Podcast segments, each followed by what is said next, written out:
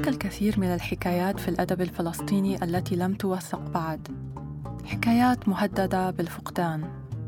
في مشروع بالريد نبحث عن هذه الحكايات وعن كل ما دار خلف الكواليس من نقاشات وأحداث وتأثيرات لم تصل إلى صفحات الكتب. في هذا البودكاست نحكي مع شخصيات ثقافية عاشوا هذه القصص وشكلوا مسيرة الأدب الفلسطيني بأنفسهم. أنا رفقة أبو رميلة مديرة مشروع بال ريد وهذا بودكاست بلد من كلام. في حلقة اليوم من بودكاست بلد من كلام نتحدث مع الشاعر غسان زقطان الذي يأخذنا في رحلة شعرية عبر محطات مختلفة من مسيرته. من التنقل بين الضفة الشرقية والغربية مع والده الشاعر خليل زقطان إلى أماكن مثل موسكو وبيروت واليمن ودمشق وتونس وحتى العودة إلى رام الله. نكتشف كيف نشرت قصائده الأولى دون معرفته ونسمع تفاصيل عن عمله بمجلات مثل الحرية والبيادر. حاورته تالا حلاوة في رام الله.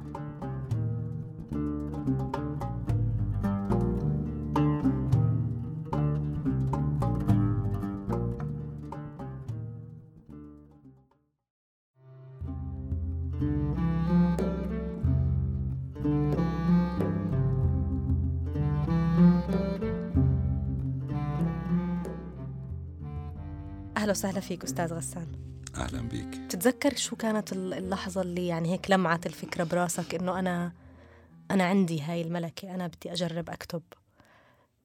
شوفي أنا راح أكون واضح معك يعني بهذا واضح وأنا واضح ما يعني أنا قلت ذلك. أنا حاولت أن لا أشبه أبي. وهذا قد يبدو غريبا. يعني أنا حاولت أن لا أشبه أبي كنت أحاول أتحرر منه. أتحرر منه. لكن علاقتي فيه كانت علاقة جميلة يعني. أنا ما وكان بيننا حوار حول كل شيء مش الشعر. ولذلك ذهبت إلى مناطق ثانية تماما. تكاد تكون نقيضة مع فكرة الشعر. أنا مثلا اهتميت بالرياضة. يعني بال... ودرست الرياضة. و... و... ودرست الرياضة. يعني في نوع من العناد كان واحترفتها. ولكن كنت أكتب. أكتب ليس, ليس تحت سطوة فكرة أنك شاعر. لا أكتب تحت سطوة الحياة يعني العلاقات. أنا كنت أكتب أغاني في هذيك الفترة كمان. آه يعني بالله باللهجة المحكية. باللهجة المحكية و... ويمكن أول أصلا مشاركة إلي كانت في يعني على منصة أو على كذا إني كتبت أغاني مسرحية. لا, لا. للمرحوم جميل عواد ولا وكانت مسرحية معقولة جدا. يعني أنا كتبت الأغاني وقتها يمكن أول مرة آه، بظهر ما أكتبه على منصة. لكن عندما آه، فيما بعد عندما كتبت نصوص آه، شعرية مثلا كان لي دفتر عندي دفتر كنت أكتب فيه بطريقة ما كان حتى ما, ما تتماسك الرواية. والدي كان يحب محمد القيسي الشاعر الفلسطيني الكبير المرحوم. محمد صغير كان وكان أبي يعني مؤمن بموهبة محمد. فمحمد كان عندنا بالبيت عمليا. وكان هو الجد هو المجادل الشعري لوالدي. وكان هناك يعني بينهم حوارات وجدل طويل رغم فرق السن. فمحمد كان أشبه بأخ كبير بالنسبة لنا وكان موجود في البيت. محمد انتبه إلى هذا الجانب. وأظن أنه اطلع على ما كتبت في غيابي. أخذ الدفتر. وقرأوا ونشر القصائد كمان. ونشر القصائد. مع بعض قام بتعديلها. آه، يعني بمعنى بس تحرير يعني بمعنى تحرير. اظن هو صوب الوزن في بعض الزحافات. ما كنتش أنا مهتم من جهة وبصراحة ما كانش عندي الثقافة اللي بتسمح لي آه، بذلك. بس آه، واخذ مجموعة من القصائد ونشرها في جريدة الدستور. تحت عنوان قصائد أولى. لا أنا من من من مستحي يعني هذه من اللحظات. أكيد. إيه. قادره أتخيل. آه. و... وأنا خارج الموضوع ولم يكن من السهل ل- أن تنشر يعني يعني أنا كنت يمكن 17 سنة. إنك تنشر في ملحق الدستور الثقافي اللي كان أظن وقتها المرحوم خليل السواحري ال- المشرف عليه وكان متشدد يعني. ثم تجد اسمك مطبوعا وهذا مهم. يعني هاي كانت دفعة كبيرة جدا بس بقدرش أقولها آه، دون أن أضيف إليها أنه بعد ذلك كان هناك ملحق آه، في جريدة الرأي وكان ملحق مهم جدا. ملحق آه، ثقافي وكان يشرف عليه جمال أبو حمدان القاص ال- والسيناريست والدرامي المعروف رحمه الله أيضا. وكان متشدد بس لكن كانت الرأي أكثر انفتاحا على آه، النصوص الجديدة وال ف... وأنا كنت معجب بجمال آه، بكتابته يعني. كان له طالع ثلاث غزلان وأحزان صغيرة وثلاث غزلان مجموعة قصية مدهشة. فأرسلت له بالبريد قصيدة. ويعني اعتبرتها سر يعني لم أبلغ أحد إنه لو ما انتشرتش خلاص ما حدش بيعرف. ما حدش بيعرف. الحقيقة يعني ما إنما كنت على أعصابي يعني وفوجئت إنه الرجل يقرأ البريد. ونشر القصيدة في مكان بارز جدا في الملحق وأعطاها مساحات وبتذكر إنه وضع معها جرافيك وأشياء من أنا. بصراحة هدول الاثنين جمال أبو حمدان اللي فعلا قرأ بريد جريد وهو بريد بالتأكيد كان بريد. بال- بالألاف. آه آه. واختار دون أن يعرفني ودون أن يعرف اسمي أصلا يعني. ومحمد جمال أبو حمدان ومحمد القيسي اللي أخذ نصوصي من درج قرب سريري وقرأها ونقحها وحررها وحملها بنفسه إلى الملحق ونشرها. وكيف اجى قرار الانضمام لكلية الرياضة؟ احكي لنا شوي عن هاي الفترة. لا أنا هو المعهد معهد خاص باللاجئين الفلسطينيين. أولا. ووقتها قدمت لأكثر قدمت المعهد العالي للتربية الرياضية في الجيزة في القاهرة متذكر. وللمعهد العالي في بغداد أيضا للتربية الرياضية. أنا كنت هذا موضوعي يعني. فذهبت إلى معهد آه، تدريب المعلمين في ناعور وكانوا لحسن الحظ أو حسن حظي في ذلك الوقت افتتحوا للمرة الأولى يعني ب- ب- بخطة تجريبية آه، مساق الرياضة ال physical education فقدمت بالضبط لهذا القسم وقبلت والمعهد كان تجربة بصراحة تجربة عظيمة جدا. يعني أنا في رأيي المعهد أثر آه، ترك أثره آه، علي يعني بال من أي بال- ناحية؟ في المعهد وعلينا أن نشكر هذا المعهد يا عزيزتي لأنه خرج أسماء مهمة من الأدب الفلسطيني. إبراهيم نصر الله خريج هذا المعهد يوسف عبد العزيز خريج هذا المعهد يوسف أبو لوز خريج هذا المعهد آه ناجي يعني الغريب جدا محمد الظاهر الغريب جدا إنه هذا المعهد مر عليه ودراسه لمدة سنتين.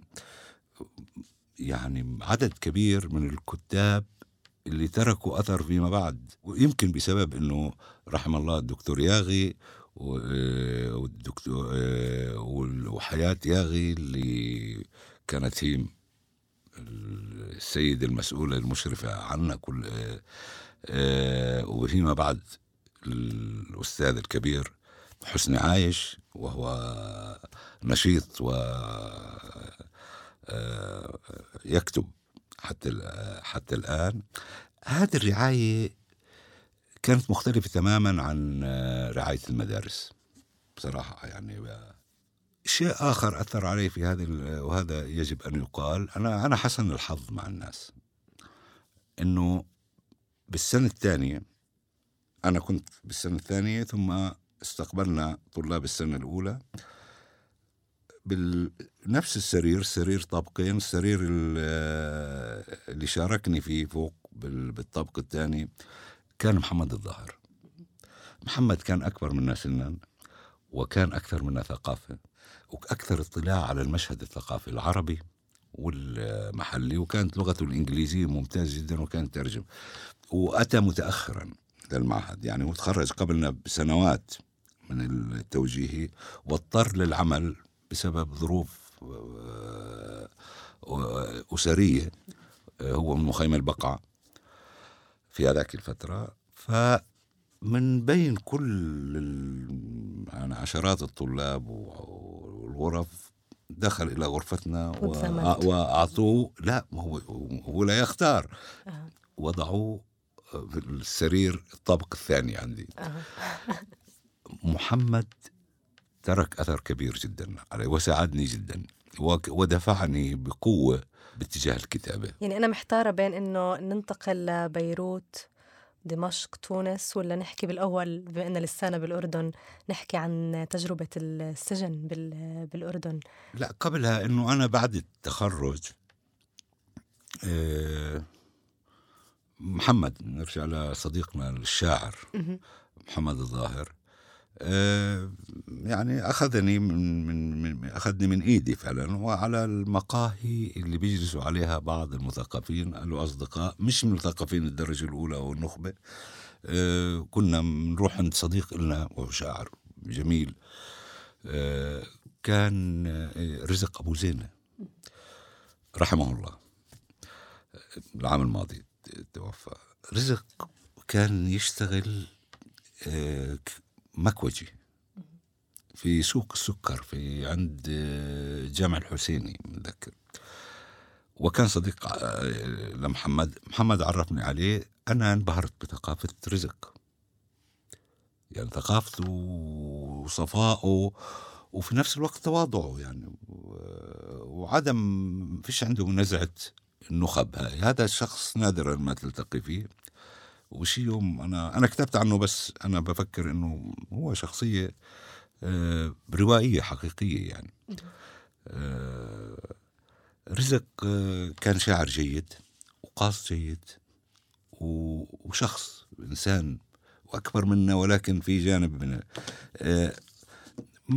وسط تأثيرات هدول الناس يعني هذه المجموعة أنا كنت يعني أصل للمقهى أو لمحل رزق.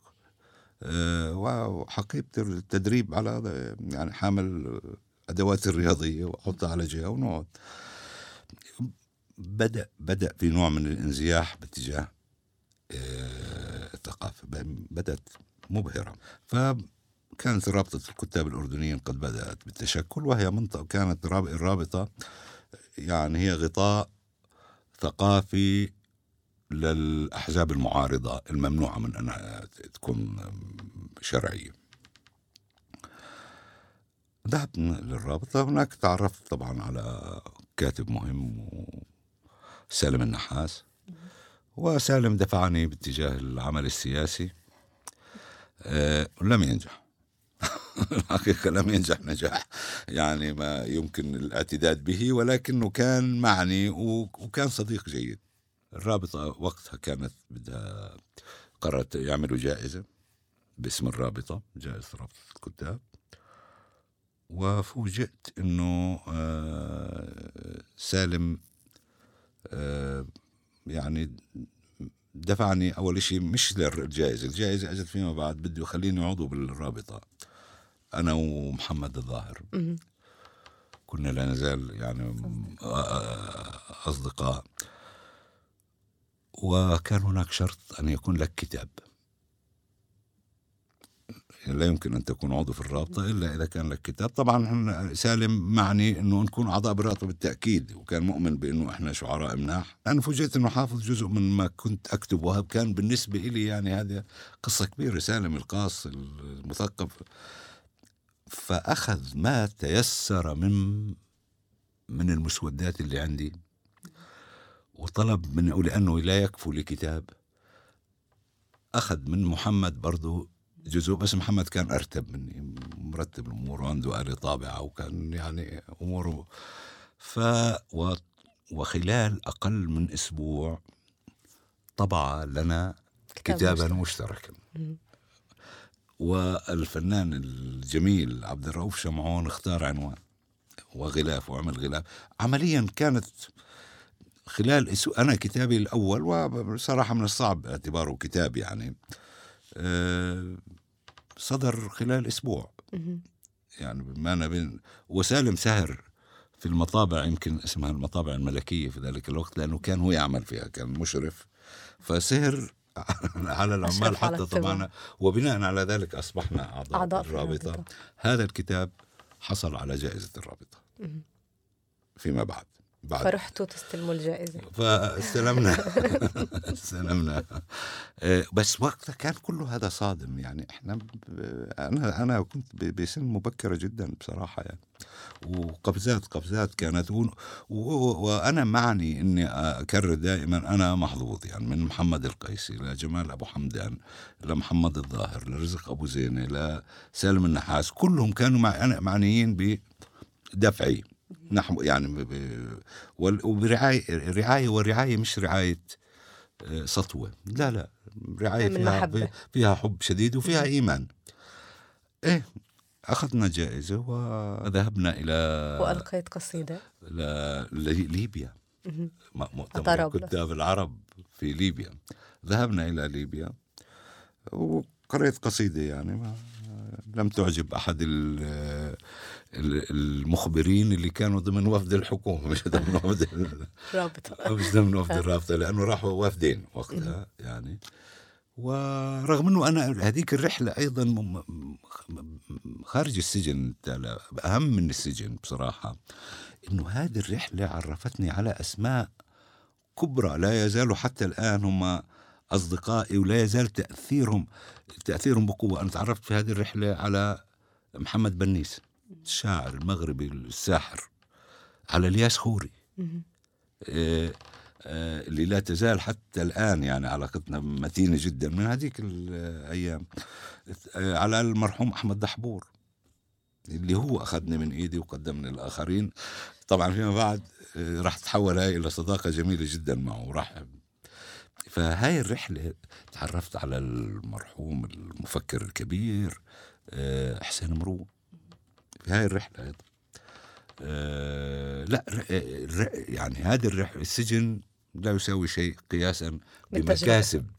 بمكاسب هذه الرحلة اللي أول مرة أنا بكون خارج الرابطة خارج المجموعة الصغيرة مجموعة المقهى و, و, و آه، الحانوت إذا صح التعبير رزق أبو زين الكوي وسط الكوي وال- والبخار وال- وال- والحوارات آه، فجأة أنت في اتحاد مع اتحاد الكتاب العرب ومع الأسماء الكبرى بصراحة مع المنتخب يعني وحسين مروه كان بالنسبة إلنا آه، المعلم معلم كبير يعني مثقف وفيلسوف ومفكر كبير هل يعني. كان جزء من هاي التجربة قرار رحيل عن الأردن ولا كان في أسباب أخرى؟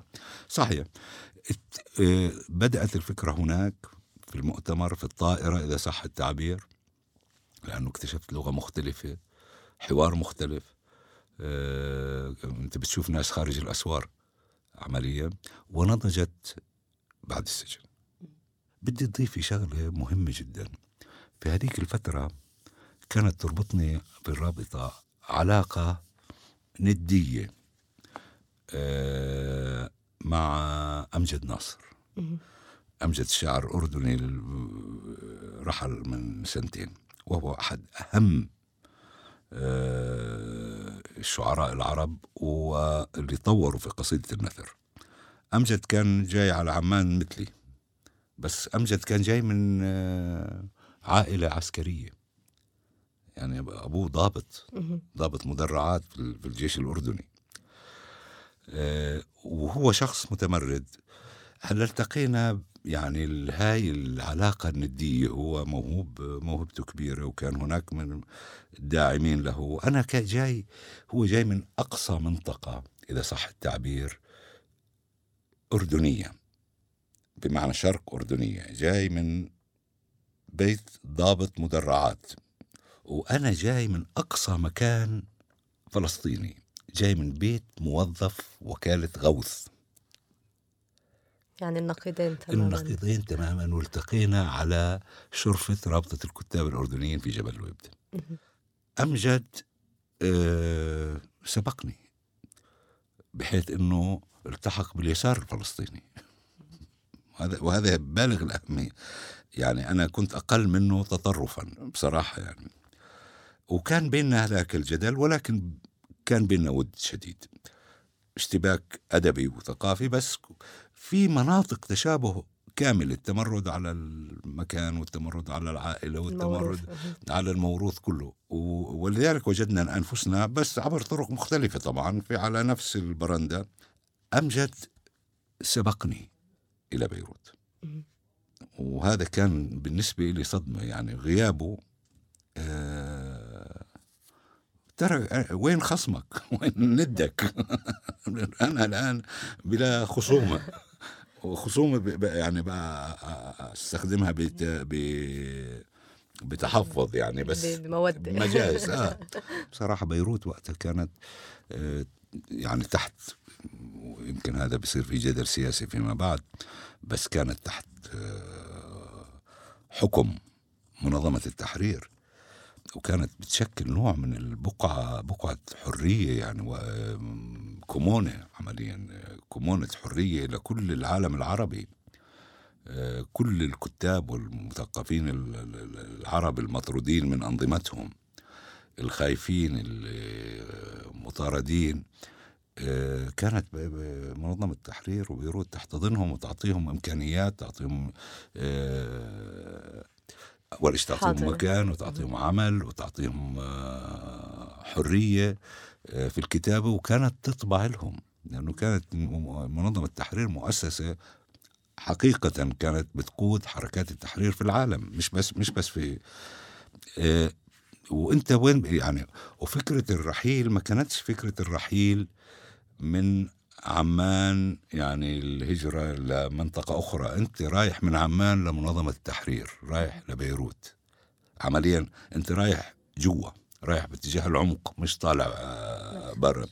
يعني هذه ال- الشروط هذه اللي تشكلت في هذيك ال- الفترة في بيروت آه، كان لها يعني إغواء.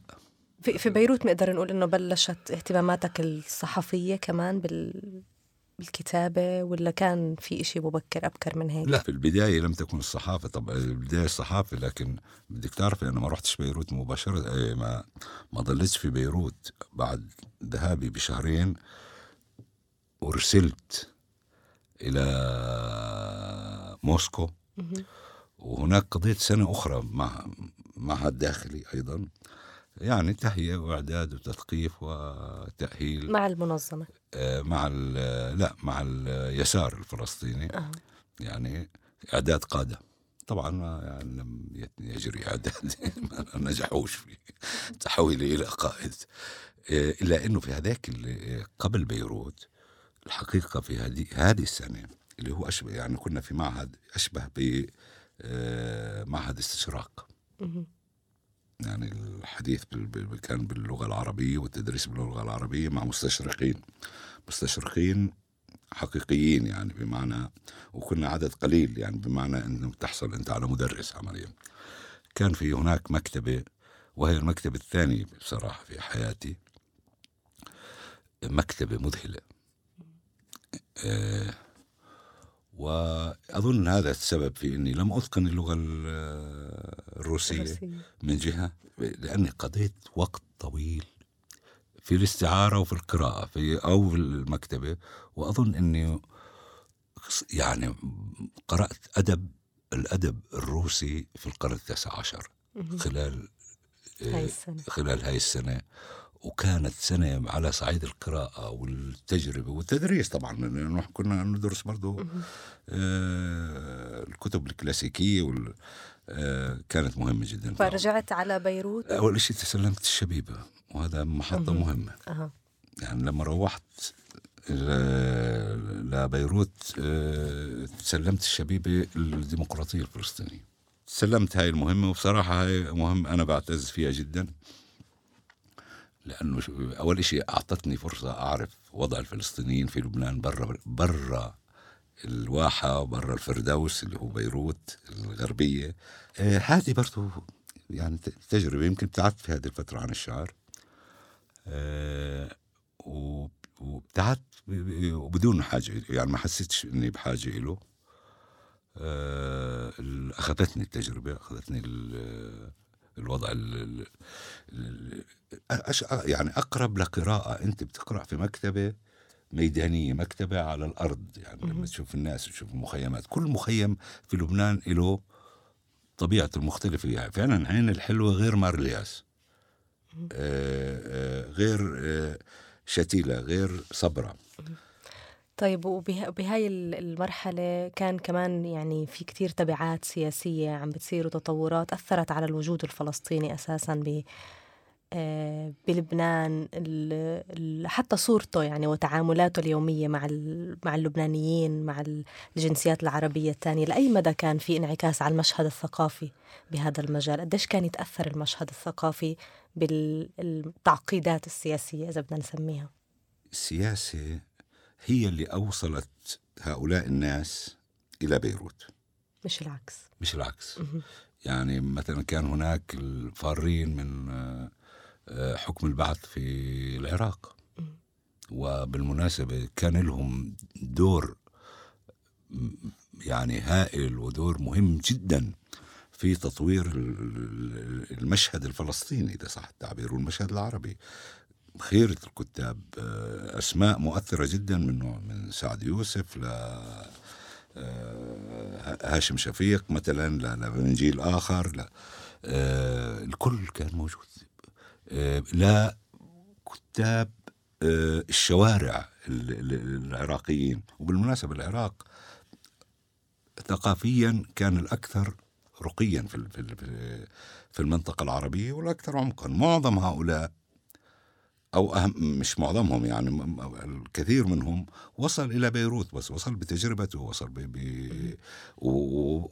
وواصل حواره مع اللبنانيين المثقفين اللبنانيين أو المشهد الثقافي اللبناني ومع المشهد الثقافي الفلسطيني والسوري اللي كان يوصل أيضا والمغربي كان في مغاربة كان في مصريين كان موجود مع عدد من المثقفين المهمين في مصر واللي تعرفنا عليهم يعني آه وكان هذا كله شكل سبيكة يعني آه سبيكة أحلام إذا صح التعبير يعني إنه الجميع هنا يعني التجربة اللبنانية بين إيديك والتجربة العراقية والتجربة المصرية والتجربة الفلسطينية آه، وطبعا في السوريين والاكراد يعني وجود الأكراد كان مهم آه، كل هؤلاء شكلوا هاي السبيكة اللي هي بيروت خلال أربع خمس سنوات يمكن من شعراء الرصيف اللي شكلوا آه، حركة سموها شعراء الرصيف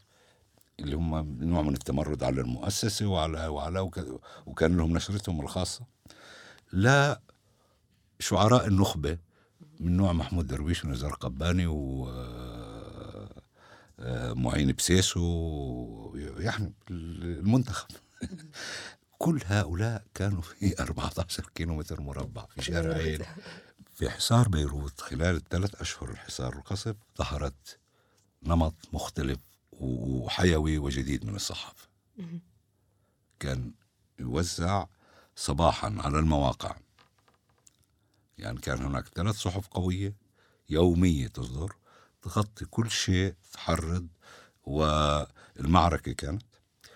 اسمها المعركة اتحاد الكتاب آه، الفلسطينيين أصدرها وكان محمود درويش ومعين والكل يعني معني فيها العودة آه، أصدرتها جبهة ديمقراطية والهدف صحيح كانت أصدرت الشعبية والرصيف. حتى هؤلاء الكتاب المعادين كانوا للمؤسسة علي فودة الشهيد علي فودة أصدروا برضه آه، صحيفة كانت هذه الصحف تصدر يوميا. تطبع يوميا في كتاب تعرف الجهد تحت حصار بيروت وتوزع قبل التاسعة صباحا تكون موزعة على كل المواقع مجانا.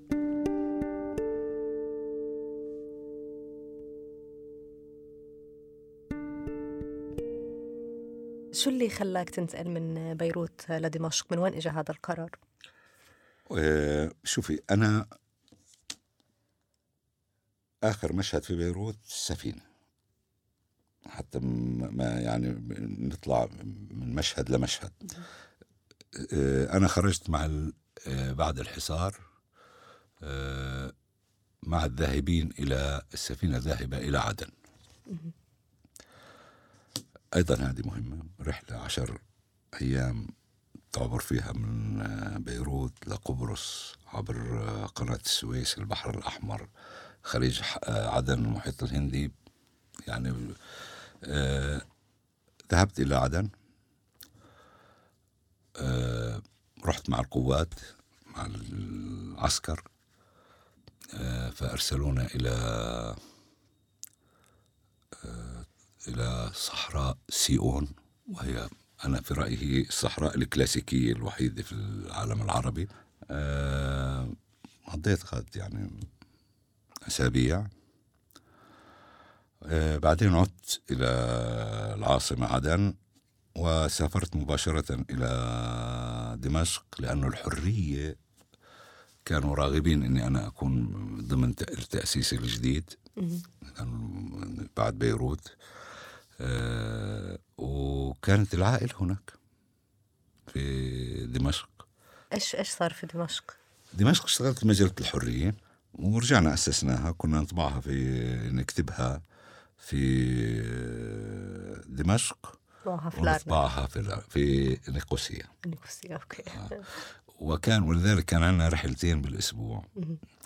آه وهذا اللي خلاني أتنقل. وأنا مش لحالي يعني. كانت الرحلة أحيانا حدا يروح آه يعني لأسباب خاصة. رحلة نحمل فيها الغلاف لأنه كان من الصعب طباعتها في في دمشق. لأنه في نوع من الرقابة السياسية يعني عمليا. فنطبعها في في رحلة تحمل الغلاف وفي رحلة تانية أظن الأحد كانت أو يعني يوم الأسبوع تحمل آه، بقية البلاكات. بقية المجلة للطباعة. دمشق لا دمشق مدينة حقيقية مدينة يعني هي إذا بده يحن الواحد في يوم من الأيام بحن لدمشق. دمشق. عشت فيها خمس سنوات. آه وعرفتها بشكل جيد وكنت جزء آه، بتقبلك دمشق. مدينة متسامحة عطوف فيها عطف شديد. آه، وفعلا مدينة الغرباء بتقبلك. بت... بت... أنت ممكن تكون جزء من من من تكوينها. دمشق خدمتني وأنا حبيتها جدا. وفيها تعرفت على كتاب كبار وعلى أصدقاء و وهناك طبعت كتابين أنا بأظن أنهم آه، من الكتب المهمة بالنسبة لتجربتي. ما بعرفش بالنسبة برا تجربتي ذاك مهمة ولا لا بس تجربتي اللي هم رايات. طبعت أظن اثنين و 83 84 وطبعت بطولة الأشياء وهو محطة مهمة جدا في شغلي أنا بال 88 وشو العمل اللي اشتغلته بشكل رئيسي بتونس؟ آه، في تونس مباشرة كانوا وهذا من حسن الحظ آه، كانوا يأسسوا لمجلة فصلية تنطق باسم منظمة التحرير اللي هي بيادر وكانوا بحاجة لمدير تحرير. لأنه كان رئيس تحرير آه، أحمد دحبور وكان مفترض اللي يكون مدير التحرير المرحوم فاروق وادي. حديثا. حديثا. آه، إلا أنه فاروق يعني فضل إنه يضل في عمان كونه يعني كانت مشكلة بالنسبة له الانتقال عائليا يعني من آه، فأنا أخذت مكانه وهو تحول لنوع من المشرف على العدد في حال وصوله لعمان.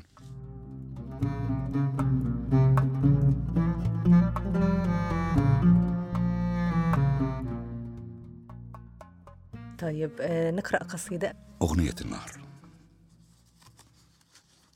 من جهة النهر كانوا يعيدون نفس الترانيم. الترانيم كانت تذكرني دائما بالضباب الذي يصعد النهر. يلقي بأشباحه في الحقول وأقنية الري. من جهة النهر جاء جنود مشاة وألقوا هزيمتهم نحونا. بعدهم جاء رتل بأوسمة النصر. في آخر الرتل قتلى كثيرون كانوا يعيدون هذه الترانيم للنهر. يا نهر يا نهر خذ أهلنا للشمال. أعنهم على الجوع والبرد والريح. خذ صور الميتين وخذ خبزهم. قد يجوع المسافر. خذ معهم صمتهم في العشيات لما تنام الطيور وتسعى المفاتيح. يا نهر يا نهر كن دافئا حين يعبر أطفالهم لينا كالحرير ومتئدا كالوصايا. كريما كما يفعل الجسر. لا أعرف الطريق إلى حلب. خذيني من يدي يا سارة. أمي نائمة وأبي أخذه النهر. وليس عندي حلم لأنام. إخوتي أخذهم النساجون إلى حلب. وتركوني هنا لأخبر أمي عندما تستيقظ أن النهر أخذ أبي وأن النساجين أخذوا إخوتي وأنها ميتة. خذيني من يدي يا سارة. وصل الليل وأصبح النهر خلفنا ولا أعرف الطريق إلى حلب. بحكم العادة. الجندي الذي نسيته الدورية في الحديقة. الدورية التي نسيها حرس الحدود على الحاجز. الحاجز الذي نسيه الاحتلال على العتبة. الاحتلال الذي نسيه السياسي في حياتنا. السياسي الذي كان جنديا في الاحتلال. الميركافا التي نسيها الجيش في المدرسة. الجيش الذي نسيته الحرب في المدينة. الحرب التي نسيها الضابط في الغرفة. الضابط الذي نسيه السلام في نومنا. السلام الذي كان يقود المركبه ما زالوا يطلقون النار على رؤوسنا دون أوامر. هكذا بحكم العادة.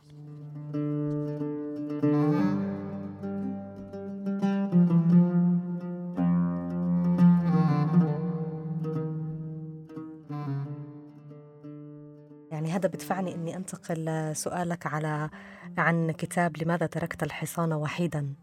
آه، بالحديث عن عن كتب أثرت على الأدب الفلسطيني. آه، ليش بتعتبر إنه هذا من الكتب المركزية؟ يعني هذا الكتاب اللي صدر بال 95 آه لا يمكن التعامل معه اولا ككتاب لوحده في محطة منفصلة.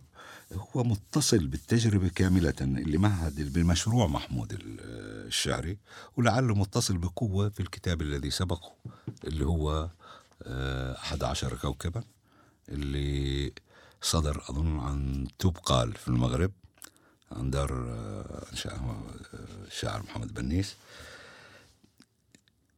مكونات المشروع الشعري لمحمود درويش استحضرت في هذا في هذا الكتاب.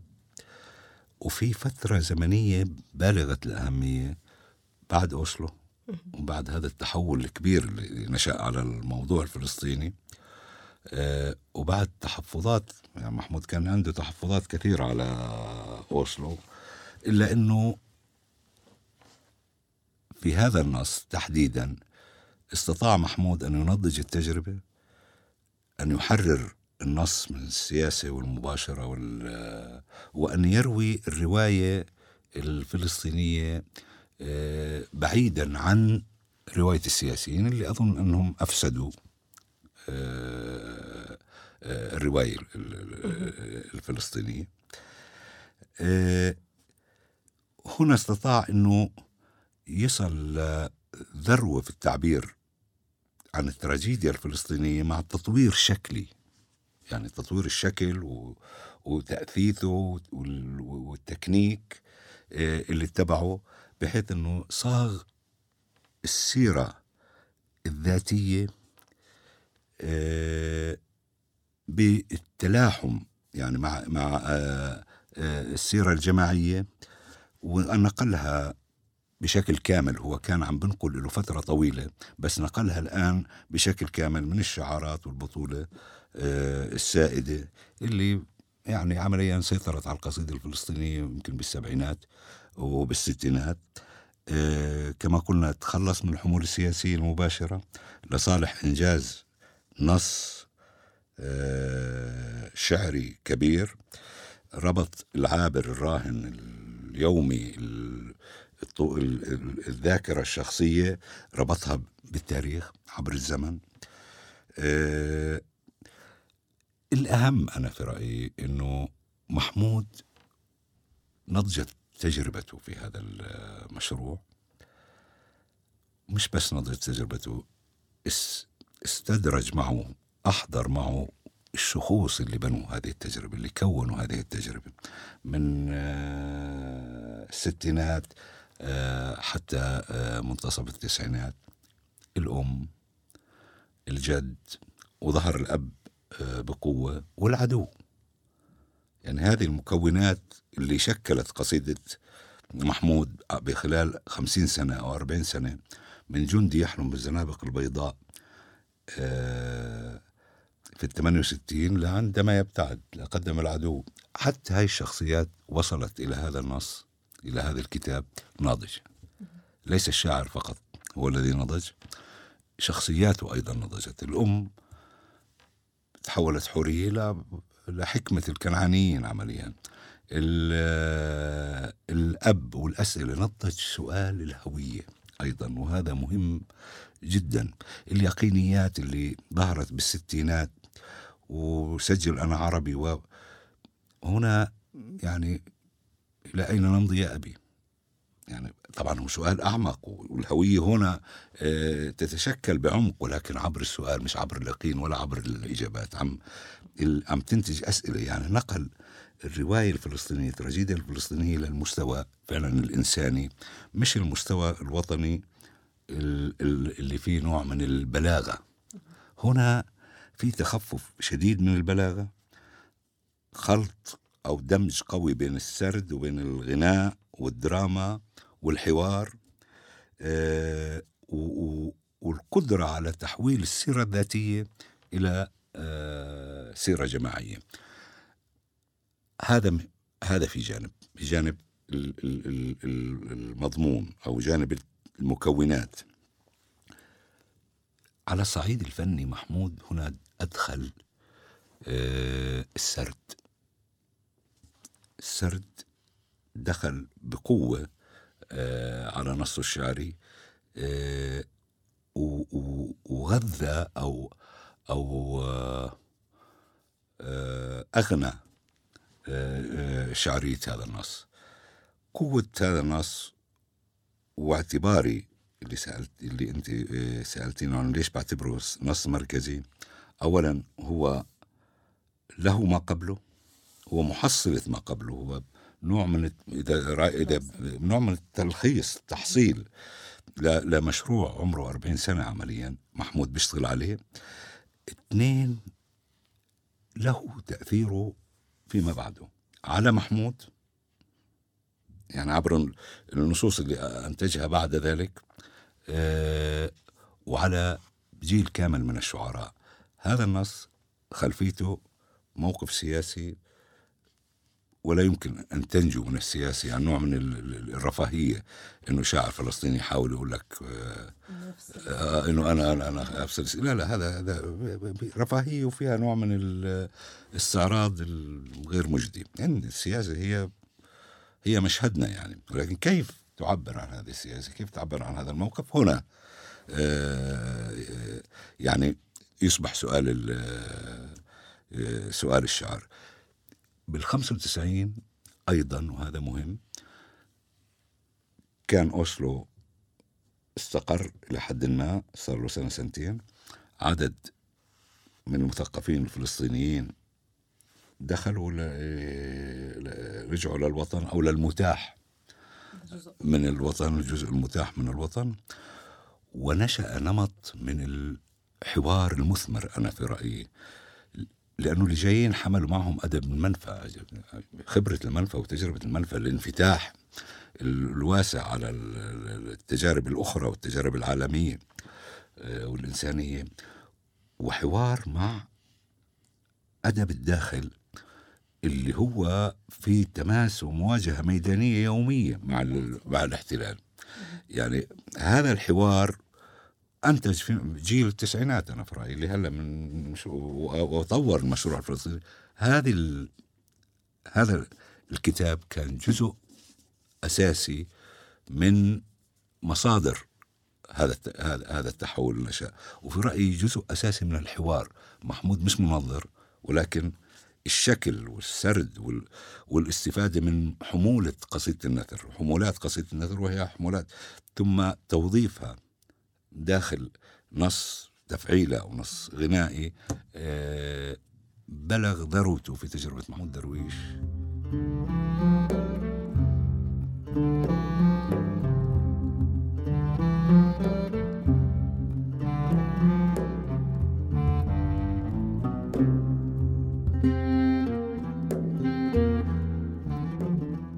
تحكي لنا شوي عن طفولة غسان زقطان شو أكثر إشي بتتذكره من هذيك المرحلة؟ يعني خلينا نبدأ من فكرة إني آه، ولدت في بيت جالة. آه، بمنتصف الخمسينات. آه، ولدت لأب موظف في الأونوروا وشاعر. في تصوري كان لازم أقول شاعر قبل ما أقول موظف. وناشط سياسي. في هاي البيئة عمليا يعني آه، اللي بيخلقها وجود شاعر ونشط سياسي في بيت هذا بيقتضي وجود مكتبة. وأظن أنه هاي المكتبة كان لها دور كبير جدا في تكويني.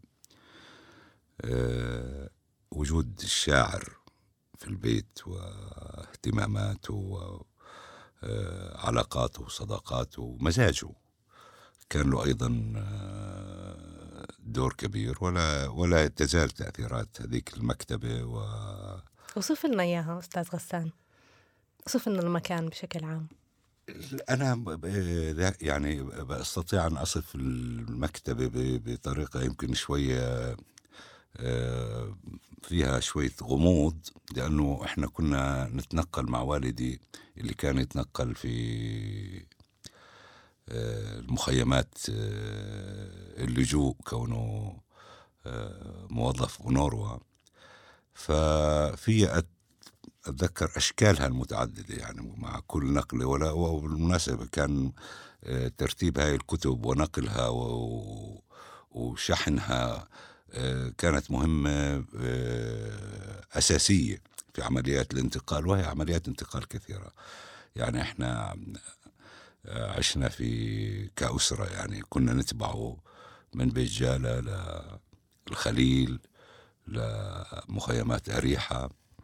آه، ثم استقرينا آه، عندما تولى إدارة مخيم آه، الكرامة على الضفة الشرقي للنهر استقرينا هناك في الكرامة.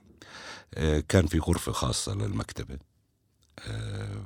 طبعا ليس ما كانش سهل الوصول إلها آه، كان ضروري التسلل أو استخ... أو آه، يعني استثمار الغيبات الطويلة للوالد سواء اختفاء قسري بسبب آه، النشاط السياسي أو كان عنده سفريات طويلة وغامضة الحقيقة يعني على لبنان.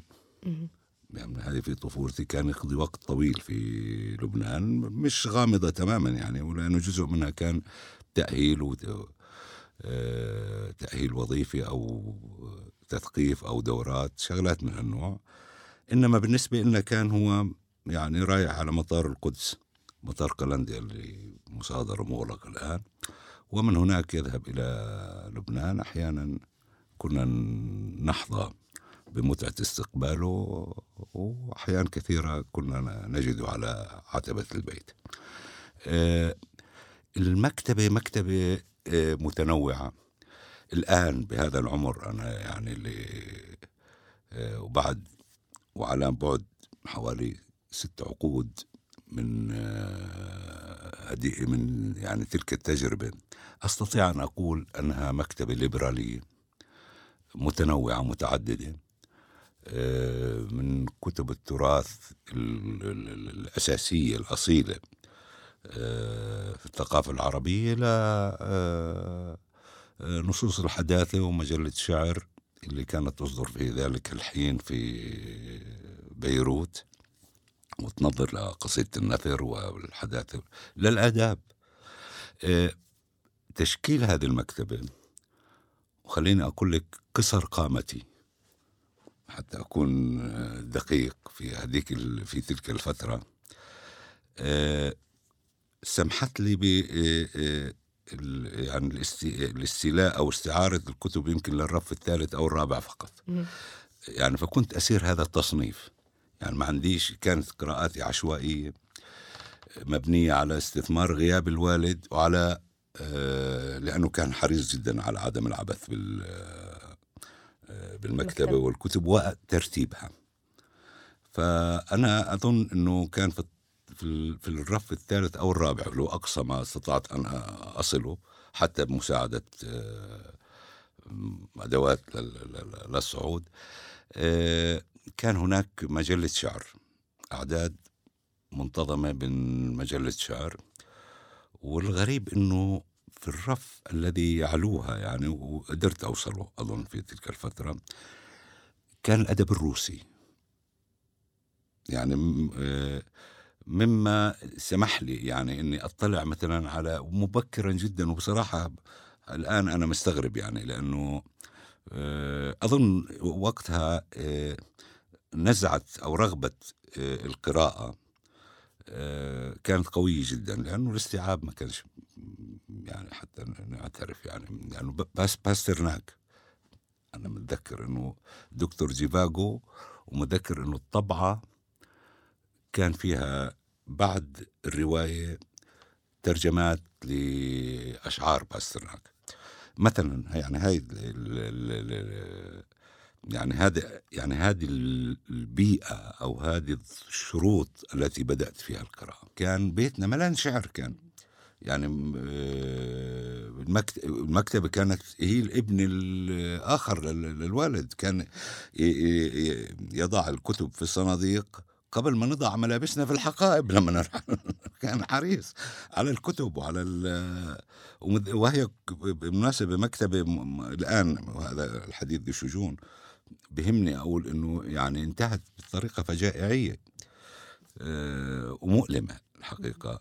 إنه إحنا. آه، معركة الكرامة بال 68 آه، اجتاح ال- الجيش الإسرائيلي آه،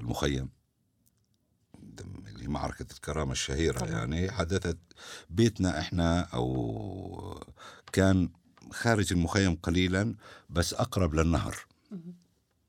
عمليا يعني. آه، فاجتاحوا البيت أول شيء بالجرافات يعني ما مهدوه. كما يفعلوا الآن الاحتلال كما يفعل يعني وما غيروش عاداتهم نهائيا. آه فأول غرفة هو هو المنطقة المنطقة المكان اللي فيه المكتبة ثم جرفوا البيت كاملا. أنا متذكر إنه والدي كان مدير مخيم وقتها. وكان موجود هناك يعني إلا إنه بعد المعركة يمكن بيومين ثلاث أخذني معه كنا في عمان أخذني معه. وبحثنا والمشهد مشهد سينمائي مؤلم يعني الآن بشوفه. في حينها ما كانش واضح. كنا نبقى يعني وكان هو ما سألش عن البيت وعن راح على المنطقة اللي فيها فعلا مكتبته وهي غرفته عمليا منطقته العلية يا ستي إذا بدك يعني. فهو كان وقعدنا ننبش بين استصلحوا آه الكتب وما يعني ما كانش يعني تم يعني عمليا تدميرها بالكامل. عمليا يعني الكتب تحولت لجثث آه، ممزقة. هذا هذا مشهد مثلا أنا لن يغيب عن بالي. وأنا ووالدي وهو على كومة البيت وإحنا إحنا من من يعني نشيل بتعرف البناء هناك من الطوب الطيني. يعني نشيل البقايا بقايا. البقايا طوب ونطلع عنوان كتاب أو غلاف كتاب من هنا. اي شيء كان؟ بالإضافة ل آه، مسوداته الشخصية يعني كل شيء هناك. آه لا هذه النهاية المؤلمة لمذبحه الكتب يعني اللي, اللي هذه المكتبة. وما قدرتوا تنقذوا منها ولا قليل قليل. أظن أظن جزء منها كتب التراث يمكن بسبب سماكة سماكة الاغلفه ربما يعني بس في بعض الكتب كان في صندوق في أنا ما حملتوش بس متذكر إنه في وعليه هاي الاغلفه السميك المجلده عمليا بتتخيط.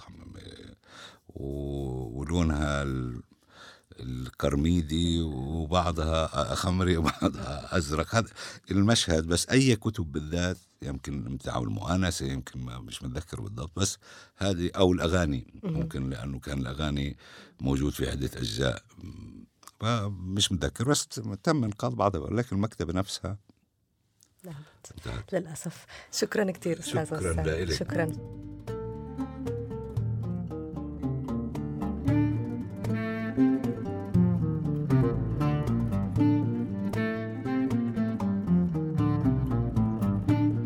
شكرا غسان زقطان لأخذنا إلى أماكن وتفاصيل مهمشة من قصة الأدب الفلسطيني.